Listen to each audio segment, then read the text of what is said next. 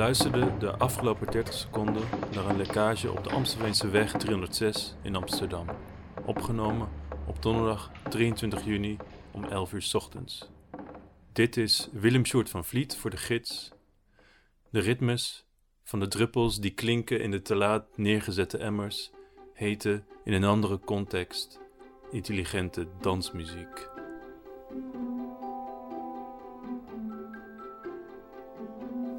Welkom bij de Gids podcast nummer 4. Opgenomen vanuit Café de Pels in Amsterdam. Ik ben hier samen met Willem Voert van Vliet, internetgidsredacteur, Sarah Arnolds, internetgidsredacteur, Emma Westenberg, Maurits de Bruin en Ananda Cernay. Voordat we met hen gaan praten, gaan we eerst luisteren naar het interview met Valeria Luiselli, die vorige week de gidslezing gaf in de Rode Hoed. En die een uitstekend essay heeft staan in de Nieuwe Gids. Zij werd in Boekhandel Atheneum geïnterviewd door Daan Stoffelsen van Atheneum Boekhandel. Hello, everybody. Thank you for coming. Um, and thank you for coming, Valeria Luiselli, to Amsterdam and to Atheneum Bookstore. You read from a forthcoming novel, or rather, a work in progress. Mm, could you tell something about it? About the novel? You said it was too complex to explain, but I think you can. Um, I don't. I don't want to say too much. Um, but well, first of all, hi. Thanks for being here again, most of you. Um, do you, what do you want me to do? Explain a novel? Let me explain what I thought it was about, yes, let's do that. and then you can comment. It. I. I think it's what I understood. It's two stories. Uh, traveling to Arizona with a family, and undocumented children coming from Middle America to the United States, and uh, told from three different viewpoints. And yesterday you read some excerpts from that work in progress, uh, which had a lot of, um, well, they rhymed. Um, and then you told us something about the background, about your own traveling to Arizona, and the uh, refugee crisis, the undocumented children crisis behind the book. Well, okay. I think you totally got it, and you should come with me on book tour when when the the novel is finally published, because you were able to say it in very few words, also. So. Um, uh, but yes, indeed, it is a novel told in, in three voices. Um, the original motivation, or like the, the seed of, of discomfort that started growing in me, that eventually became the first notes for the novel, was um, the way in which children, our, children, the children we have, I guess, um, listen to and process and reinterpret the stories that we tell them or or or history in a wider sense. And the way that they they start reading the world through those stories that we tell them. And I started thinking about that because as I briefly mentioned yesterday um, as my family and I were traveling through the USA, our children were listening to their father telling them fascinating stories about um, the history of, of Apaches.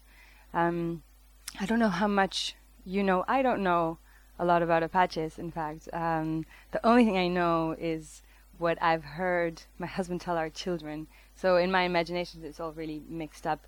And I'm purposefully not reading anything about Apaches for for this novel because it's it's it's it's something that that my husband is working on on in his own uh, field of fiction. So I I'm only like a, a voyeur there, um, and not even a direct voyeur. I'm like a voyeur through the viewpoint of the children. Um, what I do know, and what is interesting to me, about the world of Chiricahua Apaches in particular is that they were the last people in the entire uh, American continent um, to really surrender to Europeans, and they did so very, very late. Um, I think in 1880 something. Um, you have to think that Tenochtitlan, Mexico City, what is now Mexico City, fell in 1521, I believe. So, so it was many years before the last sort of the last people surrendered. So that that that that's that resistance um, to being to being sort of swept into erasure or oblivion um, is fascinating to me. When when when Chiricahua Apaches were not only them but just Indian Americans in general, in general were finally controlled completely by the then um, American government that was still forming, I guess. Uh, they were put into reservations, as I'm sure you do know. And the process by which that happened was called removal. So they were removed. And what I find kind of sinister is that um, the euphemism, the current euphemism for deportation uh, of Central American children, um, well, immigrants from from Latin America in general, um, by the way, racially very similar. Uh, also, kind of native inhabitants of, I mean, mestizos, a lot of them, but many of them indigenous inhabitants of the continent. Uh, when they are deported, they they are also removed.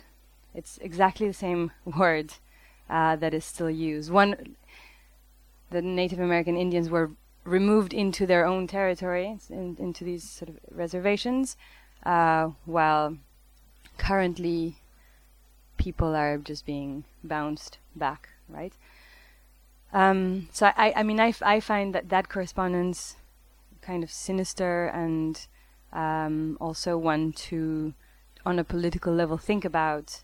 Um, but I guess the way that I'm interested in thinking about um, about issues like this is not not not always shining direct light upon them. So so so I I'm more interested in the way that uh, children, for example, may put all these things or these parts of the puzzle together and form a version of the story. Um, what did happen in inside the car while we were traveling from Manhattan to Arizona two years ago when the immigration crisis erupted, the children immigration crisis erupted, was that our children in the back seat started kind of behaving like uh, like televisions with a fever, you know, um, if that were possible. They started kind of like, um, or you know, remember how like The Exorcist kind of regurgitates this like really like uh, uh, uncanny uh, language, and it, it, it was kind of like that in the back seat. Uh, uh, kind of scary to listen to them reproduce um, at their scale what they were hearing both from their father um, and then the news about the deported children. It got really scary.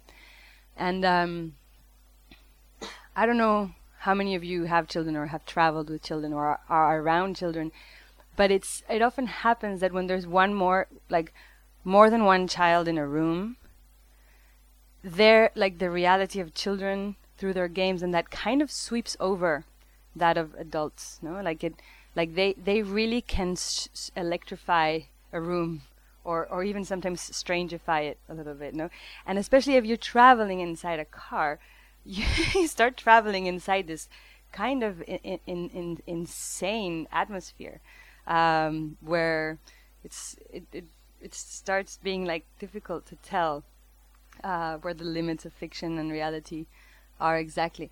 So I started maybe maybe to to keep. Uh, I mean, I I guess I I am a, like a recorder of everyday things. I I tend to document small things of everyday. Um, so without any intention to write a novel or anything, I just started documenting these sort of s- strange behaviors of these strangers in the backseat that uh, our, our our children. And um, and that's how the novel began. Um, and I had no intention to at the beginning uh, to actually speak about the immigration crisis itself. Um, I was only going to speak about sort of the dimension of, of of the removals of Indian Americans and how how that tied into childish imagination. But as the ta- as time passed, um, th- that situation became more and more compelling for me. And then I read a wonderful book that uh, I don't know if it's translated into Dutch. It should be, if it isn't. Um, written, I think in the 50s, but I may be wrong, uh, by a Polish writer called uh, Jerzy Andrzejewski. I'm not pronouncing it correctly. Called uh, The Doors of Paradise or The Doors to Paradise. I'm not sure exactly how it would translate to English. He wrote a novel about the children's crusade in the 12th century, about this real, though we don't know to what extent um, correctly portrayed, moment in the 12th century in which uh, thousands of European children um, crossed, I think, part of France and Italy by themselves. Um, it was a very different context. It was it was a religious context. Uh, although many other some some historians have said that it was it was m- more than a um, religiously driven uh, crusade. It was rather just um, uh, like a migration driven by poverty, uh, and no one really knows. There's um, so so I read I read this amazing book, and it it kind of gave me the elements to to start thinking with more distance about the very current reality. For me, it's very. I'm not a journalist. I don't have. Um, I find it very hard to write fiction about current reality, uh, and I and I often have decided voluntarily to subtract myself from it in order to not kind of just be part of the noise. Um, but it was thanks to this book and then other books that I've read after that that I was able to subtract myself. Um, I guess also by writing in English, not Spanish, um, and start writing about a very current situation in a language that is that is not um, that bears no traces of the rhythm of of what we listen to or read in the news or in the radio. Or so yeah, that's my very short answer to your question. I did prepare some questions, but I don't think they're necessary. Um, yesterday in those fragments, that, um, no, I was wanting to. I was expecting yesterday a big story about literature and migration, and well, actually, your essay is a bit is about migration, and it's a literary essay. So I thought I should prepare small questions for you. I thought I should ask you about toys as an image in uh, your uh, first book and as a as objects in your second book. And then yesterday, the toys appeared again. Um, uh, three times in those three layers of the book. Oh my god, I'm obsessed. well, no, I guess you're a parent. I mean, so yes, I guess we're both parents. Maybe that gives you some obsession. Um, and uh, I, I found it a very um, disturbing uh, recurrence of the phrase "no toys." And later on in the evening, you told about uh, how you view children, these undocumented children, as um, well bereaved of their youth. I think this is a yes/no question. Uh, is is there is, is, is is is this this toy these toys are these a, is this a way of um, well telling about youth um, about them being children or not I mean I think I mean I'm very interested in the fact that you see toys everywhere and I some some writers see ghosts everywhere. um, but I do think that what happens with um, with very generic objects as would be a toy. It's like a, a commodity that is reproduced in thousands and and lives in, in, in and each live in each I don't know each version of uh, I don't know a Mickey Mouse uh, doll lives in um, thousands or millions of different houses. So despite the fact that there's such generic um, commodities, they also become infused with um, like a deeply personal aura, um, as if as if they sucked part of the individuality of the child and and kind of retained it. No, like so it's like your child's um, teddy bear is is this like incredibly symbolic object, um, which is is kind of part of their universe, no? and um, I mean, it's not only with toys. I mean, toys with respect to children, but also, I guess, adults. It's like the objects, the cer- certain objects that we have around us, um, are so deeply, deeply part of us, or deeply part of our everydayness. And I've always felt a kind of, I don't know if like sadness or nostalgia or what, um, when I see the belongings of people and the person is absent at that moment. Like if, um, I don't know, if I've had to like look through my mother's bag to find something that she asked me for and like saw her makeup and her little cards or the things that maybe she's been collecting with that there's like a feeling of um, I don't know, like a deep nostalgia. Um, uh, am I crazy, or have you? uh, or I mean, it happens even more so with with children. No, like if you opening a school bag of a child when the child is not there is something that's like beautiful and sad at the same time, right? And and I don't know why it is. I mean, I have no. I'm.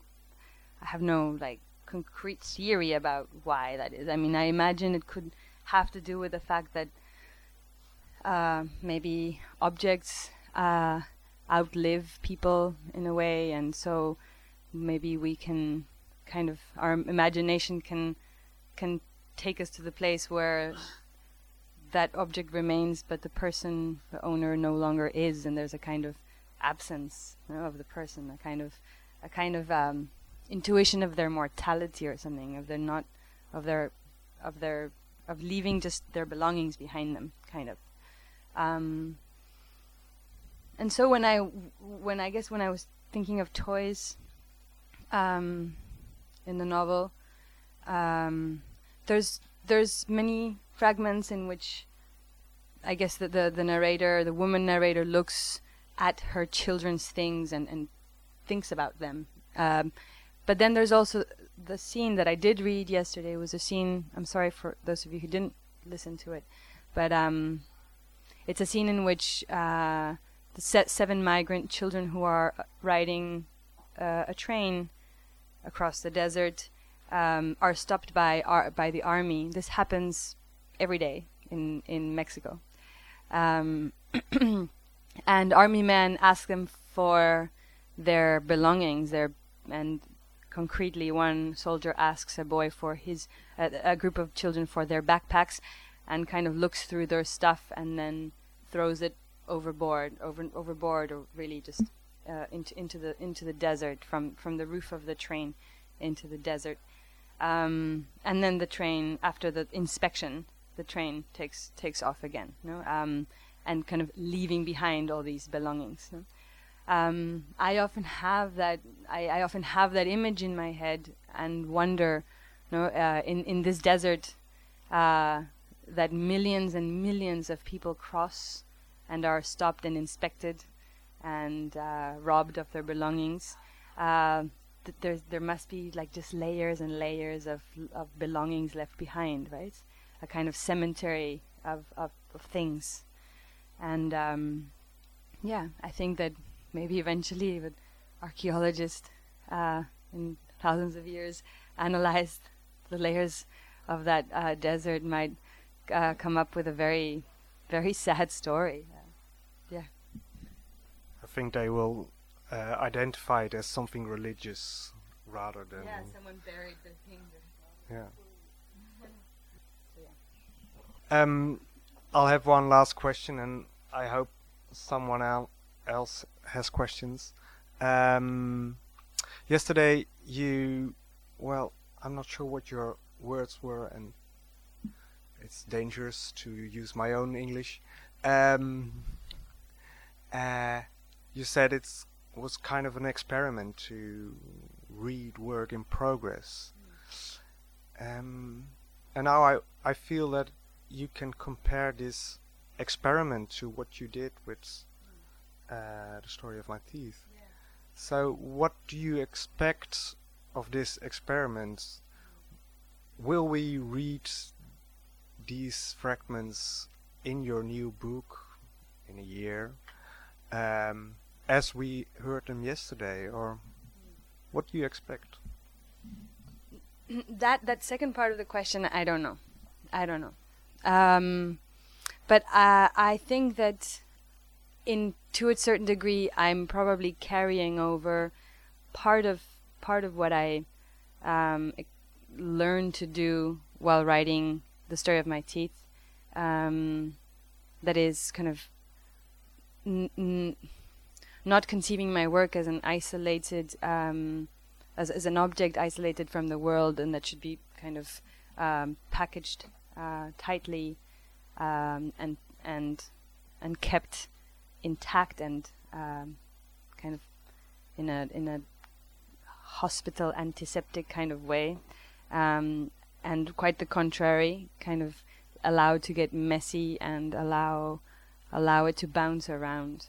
Um, I think I I used I used to work in that other way, you know, in this very pr- protective um, protective uh, bubble of my work, and um, I, l- I I learned a really important part of writing with the story of my teeth, with which was a kind of enjoyment, a kind of just like um, like not controlling too much and just enjoying.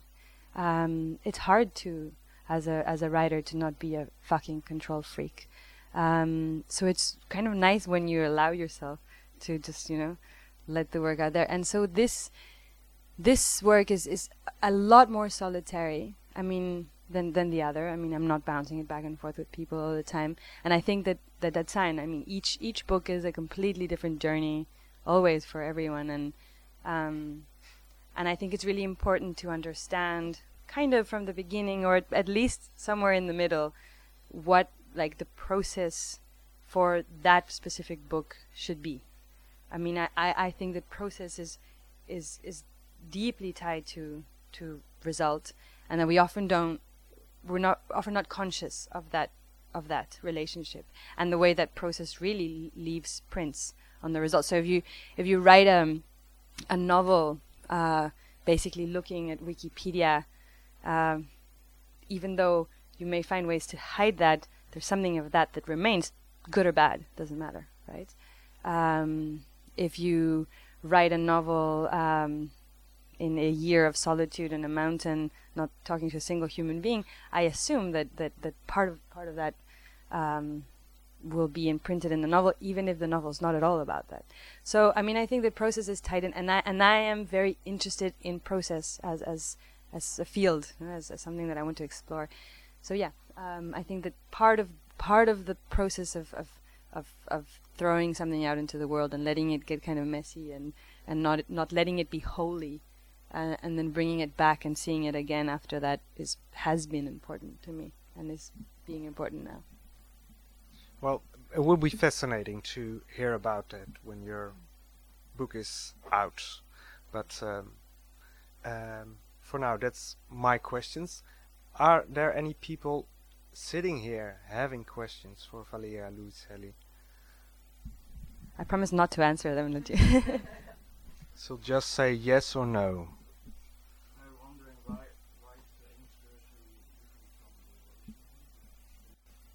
S- So specific, you're asking for well, your sources, your specific authors for essays.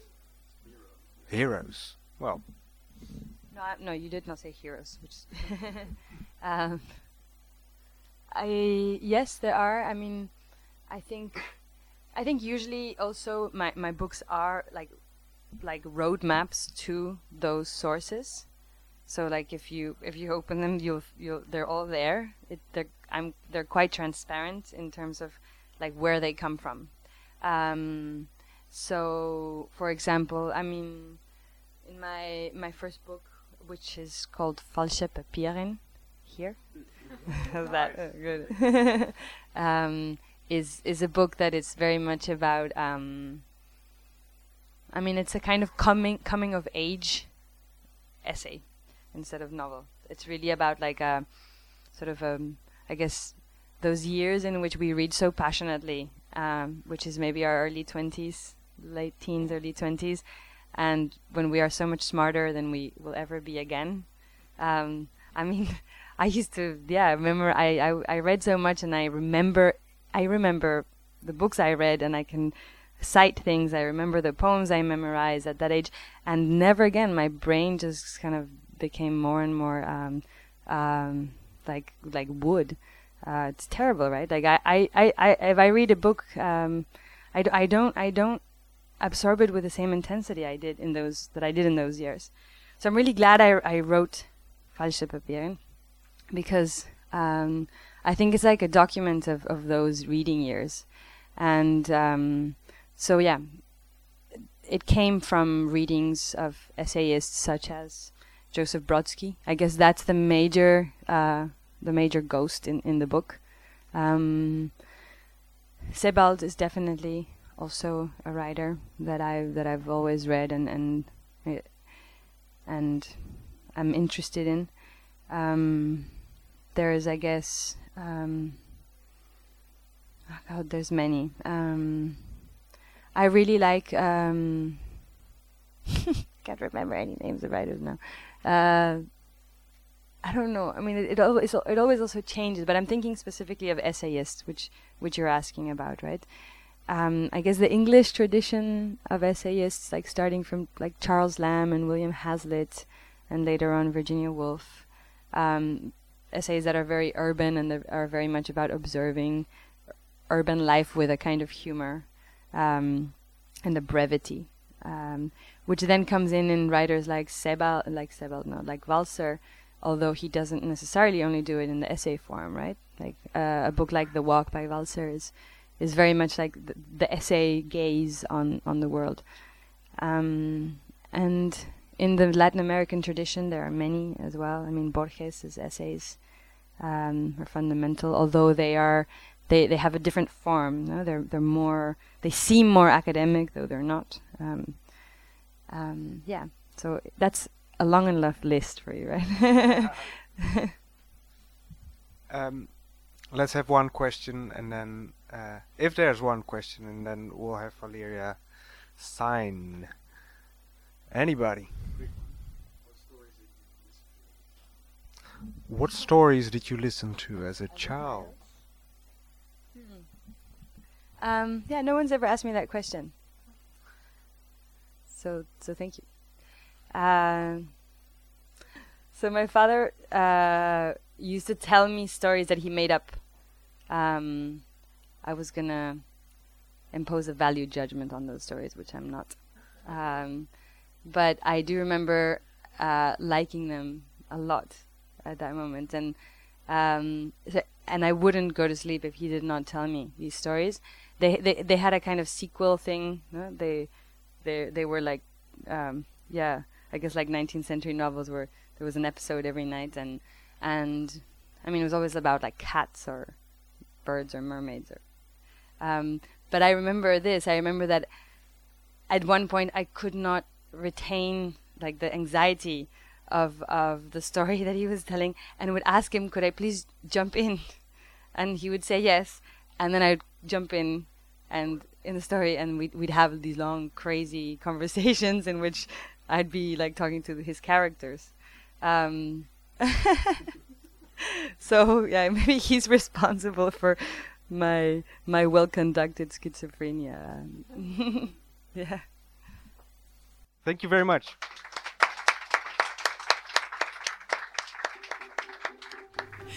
Dat was Valeria Luiselli, dan nu Tom Hofland, schrijver en programmamaker van wie spoedig de debuutroman zal verschijnen, maar die voor nu vanuit Griekenland een voicemailbericht voor ons insprak.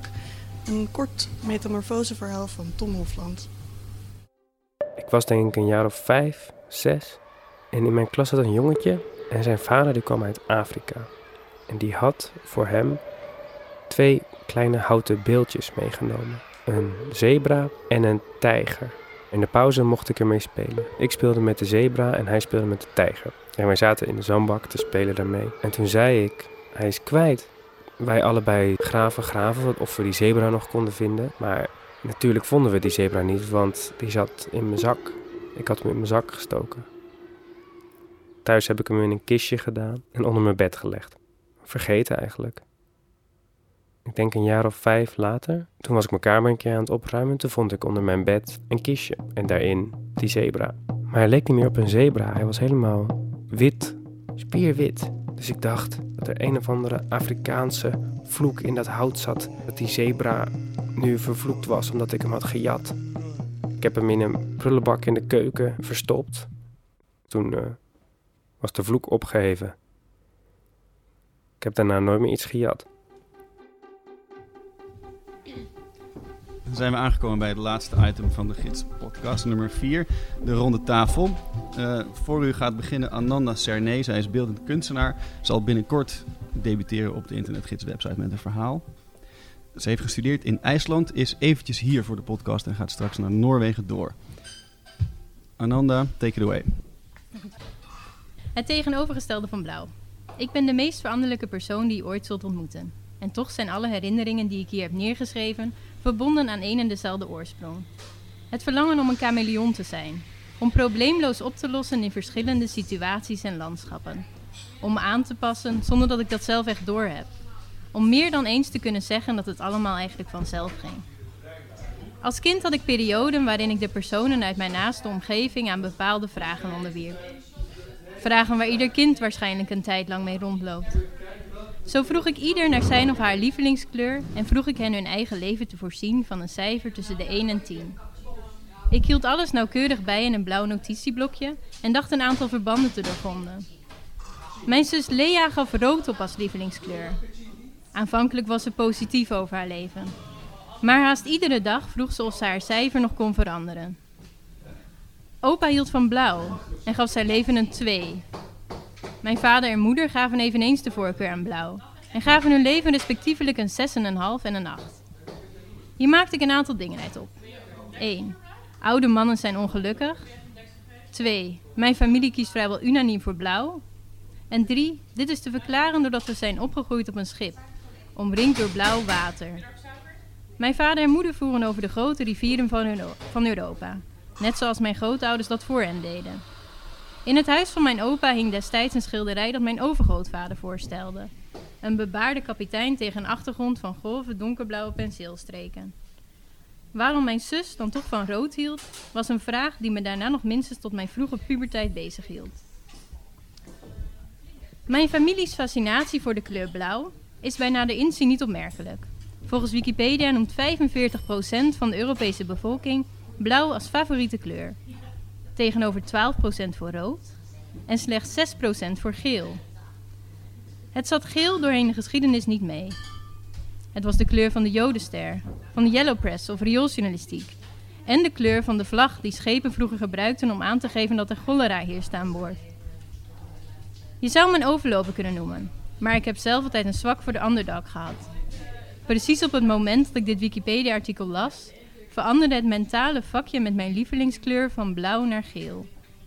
Langzaam, de kern van dit vakje begon met een kleine vloeiende gele stip in het midden. Deze stip werd steeds groter en overspoelde het blauw, dat over de randen wegspoelde naar andere plaatsen in mijn lichaam. Geel gaf niets om de insinuaties dat ik een overloper zou zijn. Want zodra dit gele vierkant zich een plaats in mijn voorkeuren had verzekerd, produceerde het bij wijze van feestelijkheid kortstondig een gouden gloed. Maar goud is geen geel met glitters. Dat schreef Ludwig Wittgenstein al in zijn Remarks on Color. Iets soortgelijks schreef hij over zilver en grijs. Het doet me denken aan mijn professor in geologie. Tijdens haar colleges refereerde zij herhaaldelijk naar donkere wolken van vulkaangas met een zilveren omranding, die ik dan vaak door de collegezaal dacht te zien zweven. Mijn professor was gespecialiseerd in de minuscule organismen die zich ophouden in warmwaterbronnen in de omgeving van de vulkaan. Voor haar fungeerden deze microben als lichtpuntjes in gebieden met een geschiedenis van verwoestende vulkaanuitbarstingen. Ik verhuisde naar IJsland omdat ik al geruime tijd samen was met een IJslandse man. Ik had hem een aantal jaren eerder in Amsterdam ontmoet tijdens een congres waar hij een presentatie gaf en ik de drankjes inschonk. Tegenover de buitenwereld zou ik vastberaden volhouden dat het vooral het landschap was dat mij naar IJsland trok. Om dit allemaal wat geloofwaardiger te maken, en ook omdat ik een terugkerende droom of nachtmerrie had, waarin wolken vulkaangas met een zilveren randje alle kamers van een Nederlands huis met hoge plafonds vulden, schreef ik mij in voor een master in geologie aan de Universiteit van IJsland. Later, toen de microben in de warmwaterbronnen zoveel tijd opslokten dat ik me nauwelijks ergens anders op kon concentreren, leek mijn oorspronkelijke reden om naar dit land te verhuizen steeds verder af te brokkelen. Mijn man werd vervangen door een geel landschap van zwavel. En dat was wederzijds trouwens. Laten we duidelijk zijn. Mijn IJslandse man had wel betere dingen te doen dan mij ervan proberen te overtuigen dat we de brokken zouden kunnen verzamelen en ze op de een of andere manier weer kunnen vastkleven met cement of behangerslijm. Op een zondagochtend zei mijn IJslandse man: Alles wat groeit, wordt uiteindelijk geel. Op een maandagochtend stopte ik mijn spullen in een koffer die naar goedkope plastic rook en vertrok naar een kamer met uitzicht op voorbijrijdende vrachtwagens en kleine blauwe bergen in de verte. Hiermee luidde ik een periode van ontzettende eenzaamheid in. Heel wat schrijvers hebben hun fascinatie voor de kleur blauw onder woorden gebracht. Rebecca Solnit schreef over blauw als de kleur van de verte, de kleur van eenzaamheid en verlangen. En ook als de kleur van een plaats die je nooit zult bereiken, omdat de bergen zelf niet blauw zijn, maar alleen de afstand tussen ons en de bergen. Solnit beschreef blauw als een metafoor voor dingen die we nooit kunnen bezitten. Maggie Nelson beschreef in Bluet hoe ze iedere keer weer niet op het antwoord van de vraag waarom is de lucht blauw kan komen. En ook bij mij tuimelen de woorden, moleculen en verstrooiing over elkaar heen en ik weet niet in welke volgorde ze moeten staan om tot een logische verklaring te komen. Toen ik in Reykjavik woonde, waar deze vraag relatief vaak ter sprake kwam, heb ik wel eens overwogen om de geschreven uitleg in mijn jaszak met me mee te dragen.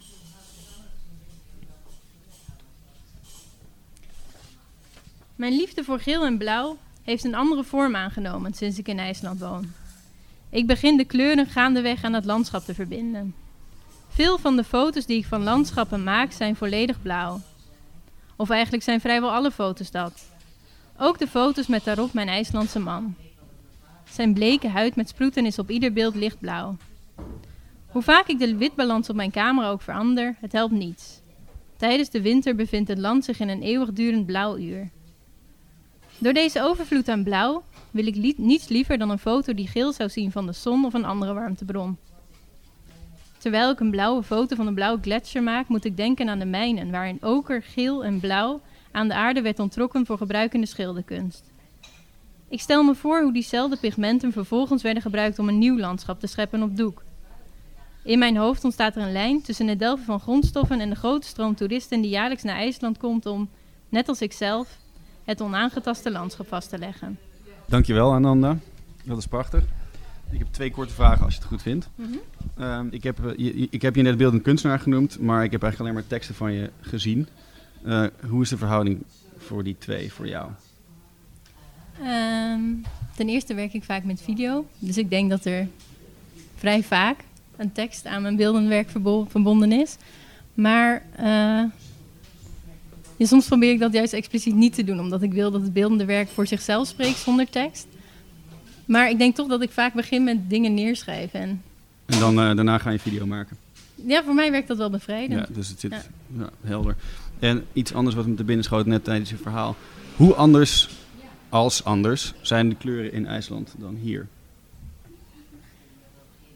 Ja, nou, ik, ik bij Nederland denk ik voornamelijk aan. Uh, het is voornamelijk heel anders. Omdat dat soort landschappen zijn natuurlijk niet in IJsland. Dat er alleen maar een blauwe gletsjer is of een geel vulkaanlandschap. Dat, dat hebben we dat hier is niet. hier gewoon niet als, dat, als hier een vulkaan zou zijn. Nee, ik bedoel, ik, ik weet van bijvoorbeeld een land als Marokko dat allerlei beeldende figuren daar graag heen gaan omdat daar de kleuren heel intens zijn die ze willen gebruiken voor hun schilderijen en andere dingen.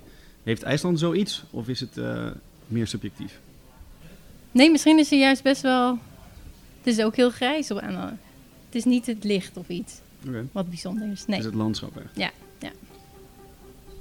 Dan gaan we nu naar Emma Westerberg, regisseur en filmmaker. Afgestudeerd aan de Rietveld Academie. Maakte korte films, videoclips. Maakte ook een film over de kleur blauw. Eh, maar daar gaan we het niet over hebben. Want we gaan het hebben over King of Comedy. Ja. Eh, die heeft Emma meegenomen. Of daar wil ze graag over praten met ons. Ja, ja want eh, dat is, vind ik, een van de, nou ja, voor mij een van de bijzonderste films die ik heb gezien. Omdat ehm, het heel erg, wat ik eh, heel mooi vind aan kunst, is als het aan de ene kant heel realistisch is. En aan de andere kant tot een onwijze verbeelding spreekt en een helemaal een wereld op zich is. En die film, dat is, ja, dus het, gaat over een man die, eh, eh, voor de, iemand, mensen die het nog niet gezien hebben, over een man die ehm, heel graag heel erg beroemd wil worden in het, het comedy zijn. En die gaat dan zijn, zijn grote idool, gaat hij de hele tijd proberen eh zover te krijgen dat hij ook op zijn show een sketch mag doen. Maar hij, hij wordt steeds vreemder en hij heeft hele rare fantasieën die heel mooi worden verbeeld met allemaal soort van in een, in een kamer met allemaal kartonnen beeld, borden. En dan uiteindelijk dan gaat hij samen met een andere fan, dan gaan ze hem kidnappen. En dan eh, hebben ze hem gekidnapt en dan zeggen ze tegen de ni- nieuws of tegen zijn show zeggen ze als jullie hem terug willen levend, dan moet ik, mag ik bij jullie eerst mijn sketch doen. En die sketch, daar, bouwt die hele film naar op, want je ziet hem de hele tijd maar niet. En je denkt, is hij nou goed of is hij nou echt, verzint hij het nou allemaal? En dan, en dan, en dan mag je dus die sketch doen. En dan wordt hij, heel, en dan wordt hij daarmee dus ook beroemd. Omdat hij dan, eh, maar dan moet hij wel in de gevangenis, maar dan is hij daarna wel wereldberoemd. En dat is dan zo'n heel soort van pijnlijk eh, eh, concept van dat als je gewoon knettergek bent en maar zoveel mogelijk naar aandacht blijft vragen, dat je het ook kr- krijgt op een positieve manier. Dus dat negatieve aandacht niet altijd, dat dat ook werkt. Of heel goed werkt eigenlijk zelfs. Misschien soms beter werkt dan positieve aandacht. Dus, en dat vind ik heel... eh, daarom, ja, ja, nee, dat, en dat vind ik heel mooi aan die film. En ook wel pijnlijk, het een zwarte komedie, maar wel heel mooi. En, en je wilde over deze film praten omdat die iets te maken heeft met, Ja. met de weg die je nu inslaat eigenlijk. Nou, nee, nou, ik, ik, heb, ik heb een soort van gekke obsessie voor, die, voor filmpjes eh, kijken van eh, eh, online van ehm, politieke leiders. en hun, en hun manier van praten, retoriek en hoe ze, hoe ze mensen toespreken en, en wat ze dan zeggen. En een soort van spreken zichzelf ook constant te- tegen. eh, ehm, wat ook vaak logisch is, want de wereld verandert ook. Dus je moet ook verschillende stellingen innemen. Ehm, maar, eh, nou ja, daar, daar ben ik gefascineerd door. En dat doet me heel erg denken aan de King of Comedy. Omdat dat ja, ook om dezelfde manier van ro- roemwerven is.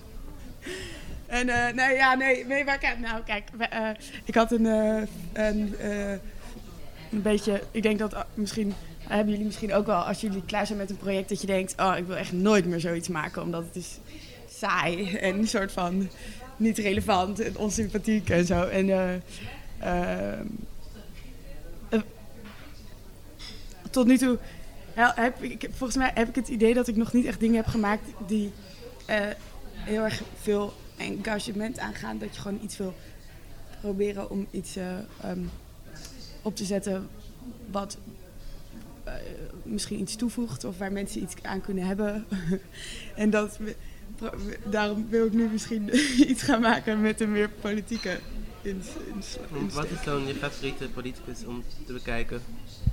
Nou, ik, ik kan heel erg genieten van eh, echt goede sprekers. Dus ik vind eh, eh, eh, Obama is echt mijn all-time favorite. Dat is echt een soort van eh, een, een idool. Ja, word je rustig van, hè? Ja. Ja, ik heb heel rustig Ja, van. maar ik word soms ook echt zo, kan ik best wel emotioneel worden van Bernie Sanders. Ja. maar dat is ook wel een beetje een, hij is ook wel een beetje wel ook een beetje, eh, die, die leeft wel, of die spreekt wel een soort van fantasie Mhm. in mensen aan, wat wel mooi is, maar Ja. wat misschien niet helemaal realistisch is. Maar misschien ook wel, ik weet dat niet hoe de budgetten daar zijn, maar... eh, dus dat vind ik twee hele, hele leuke sprekers. En Ik je verlangen naar meer engagement, hoe gaat dit dat Ja. nu eh, vertalen in je nieuwe, in de nou, nieuwe dingen ik die je vind gaat het heel doen? moeilijk. Weet ik, weet, ik weet het nog niet. Ehm, misschien is dat ook op de Rietveld was ik daar ook altijd wel mee bezig dat ik het wel, dat ik het wel lastig vind om dus te, te bedenken of het überhaupt mogelijk is om iets toe te voegen of te veranderen. Omdat, nou ja, ik ben, ben daar gewoon nog niet helemaal over uit of, de, of, of,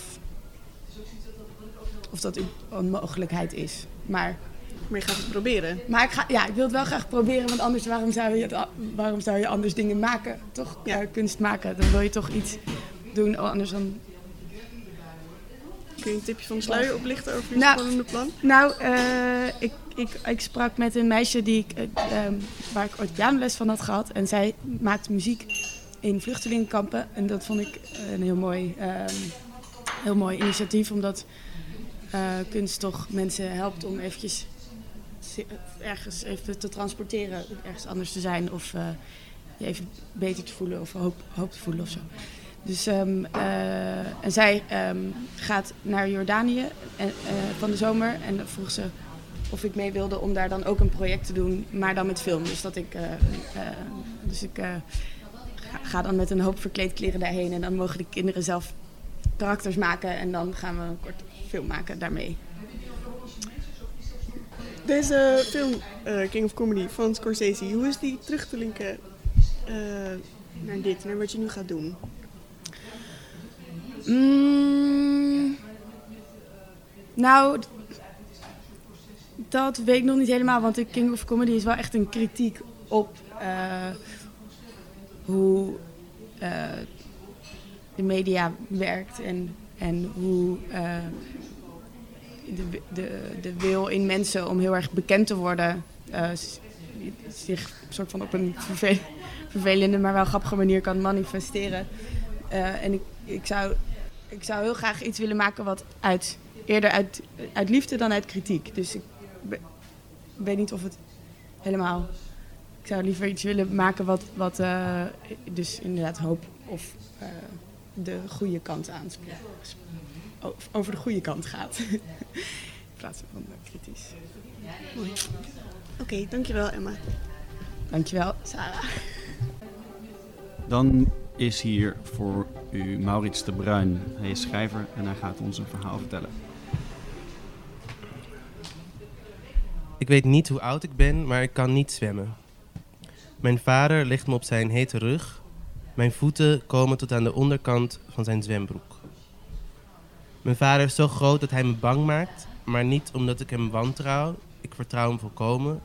Maar ik vraag me af hoe iemand zo groot kan worden. Hoe ik zelf ooit zo groot zou moeten worden.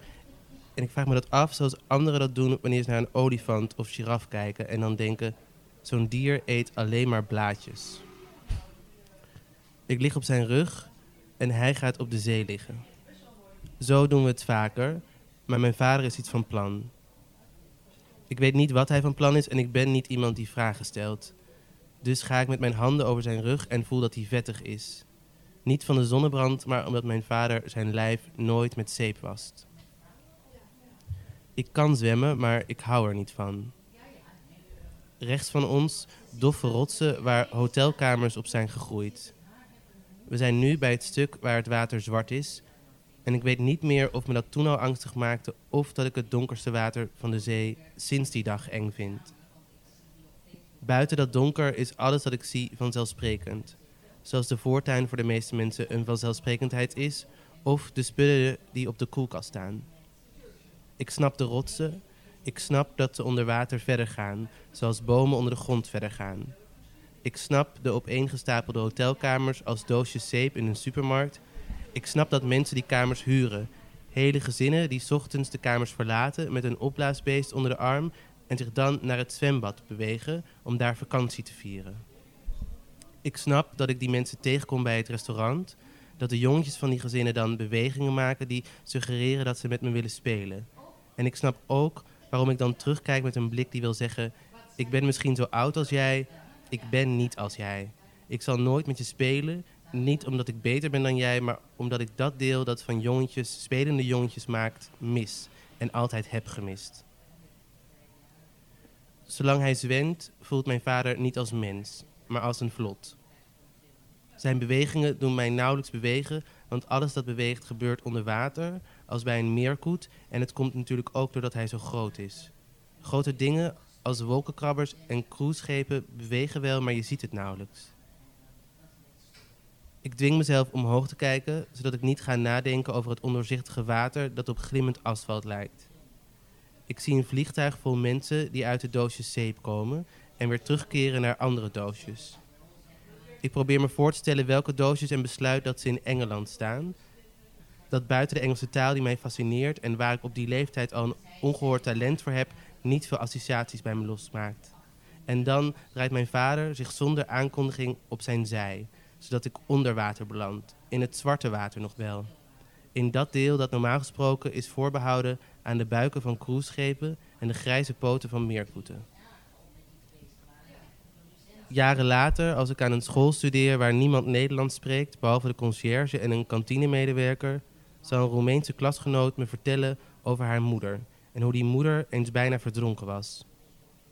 En als ze niet op tijd gered was, was ze nooit de moeder van de Roemeense klasgenoot geworden. Dus zou je kunnen zeggen dat het mooi is dat ze aan een verdrinkingsdood ontsnapte. Maar op dat moment, terwijl ze verdronk, wilde ze niets liever dan zinken. Niet dat die moeder van de Roemeense klasgenoot suicidaal was. Het gaat niet over een doodswens, maar het gaat over het genot dat die vrouw voelde bij een brein dat zuurstof ontbeert. Ze voelde hoe haar lichaam steeds zachter werd, zag kleuren en lichtvlekken. Ze ontdekte hoeveel water er onder water ligt. Ze was vrij. En dat was haar meer waard dan haar leven. Toen een stevige arm haar uit het diepe plukte, bood tegenstand. Want zij, de moeder van de Roemeense klasgenoot, wilde kosten wat het kost onder water blijven. En zich blijven omringen door kleuren die ze later niet kon benoemen. Zo niet ik. Het zwarte water, dat overigens veel kouder is dan het blauwe, vindt zich een weg naar mijn longen. Ik zie geen kleuren die ik nog niet ken, zelfs daar kan ik me niet aan overgeven, maar mijn kaak raakt iets dat ik niet ken. Ik ben altijd bang geweest voor vissen en reptielen, maar ook voor kippen en kalkoenen. Er zijn golven die ik zelf maak en ik denk dat mijn vader me uit het gezin gooit. Me van zich afwerpt en dat is wat ik ga onthouden, hoe mijn vader me eruit flikkert. Maar wat hij wil doen, wat hij bedoelt te doen, is me het gezin ingooien. Door me precies dezelfde behandeling te geven, een doop die hij mijn broers jaren eerder gaf, alleen werkt het bij mij niet. Ik ben de paniekerige, zei ik die dag. Ik ben de angstige, de benauwde. Dit was jaren voordat mijn vader laat op een avond via de achtertuin binnenkwam, zonder het tuinlicht op zijn gezicht te laten schijnen, en ik van achter de geopende glazen pui uitschilde, omdat ik er zeker van was dat het zwarte gestalte dat op me afkwam me wilde vermoorden. Dankjewel, Maurits. Heb je nog iets te zeggen, Dirk? ik moet het even laten bezinken. Oké. Zo voor je relatie met je vader. Ben je nog wel eens gedoopt? Daarna wel. Daarvoor wel ook, als, als, als baby, ja. Eh, Maar op de manier zoals je vader je, zo, op de manier zoals je eh, vader je siblings nee, doopt. nee, nee, nee, nee. Dat was, dat was een eenmalige. Ja, dat, is, dat hoort ook wel een beetje bij een doop, volgens mij. Hè? Dat het een eenmalige activiteit is. Of ritueel is. En eh, Nee, misschien besloot ik het als mislukt, maar Ja? mijn vader niet per se. Dat kan natuurlijk ook. Maar het is natuurlijk mislukt of gelukt. Ik bedoel, ook al besloot hij dat het gelukt was, hij zal toch moeten toegeven dat als jij besluit dat het mislukt is, dat het mislukt is. Nou ja, als doop is het dan misschien gelukt, want er was genoeg water voor een doop. Maar eh, als riet is het denk ik mislukt, want daar moet je dan waarschijnlijk sterker uitkomen. En ik kwam er niet per se sterker uit. Ga je, ben je van plan het nog een keer te herhalen met je vader? Denk je dat, Nee. het, nog, denk je dat het nog een keer kan? kan het nog een keer? Ehm, nee, ik ben alleen nog maar banger geworden natuurlijk voor dat zwarte water. Ja, maar het hoeft niet met water te zijn, het kan ook met iets anders. Ah, nee, maar in die zin zijn mijn vader en ik oké. maar misschien dat we gewoon... Je, je tast tijdens de jeugd natuurlijk ook af wat de band kan zijn tussen jou en je ouders. En die van mij en mijn vader gebeurt nu dan aan een tafel met drank en dan praten. Nou, dat lijkt me, klinkt heel goed geloof ja, ik. is ook hartstikke leuk. Ja, ja. Ehm, en misschien dat mijn vader op die leeftijd, eh, toen ik een kleinkind was, nog wel het gevoel dat, dat die band ook kon gaan om eh, verdrinken in de zee. Nou ja, gewoon om ander soort gedrag misschien. Ja. Nou, ja, het klinkt voor mij alsof het nog niet, ehm, nou het verhaal wel, maar alsof, de, alsof, het, alsof er nog wel eens zoiets zou kunnen gebeuren. Ik hoop het niet, maar eh, En dat is alleen maar goed, bedoel ik alleen maar goed. Oké. Eh, en dan nog, is dit, eh, was dit, een- is dit een eenmalig iets? Is dit iets waar je meer mee bezig bent? nee, ik ben hier de, ik las Niemand is ooit verloren van Catherine Lacey, dat, dat net in vertaling is verschenen. En ehm, heb je, ken je soms dat je iets leest en dat je gewoon even zin hebt om in die stijl te schrijven? Absoluut. Nou, precies dat had ik. En toen, toen kwam dit uit. Dankjewel. Ja. Dankjewel, Maurits de Bruin. Dit was de gidskast nummer 4. Bedankt voor het luisteren. We danken de Pels voor de gastvrijheid. Willem Sjoerd, voor de, Willem Sjoerd van Vliet voor de opname. Onze gasten voor hun komst. Ananda Cernay. Sarah Arnolds voor de bijdrage die ze heeft verzameld met Emma Westenberg. Emma, jij mag afsluiten. Ja, er komt nu een liedje. Dat heet Heartbreaker van Dion Warwick. Omdat eh, het een heel mooi liedje is. En eh, vaak van toepassing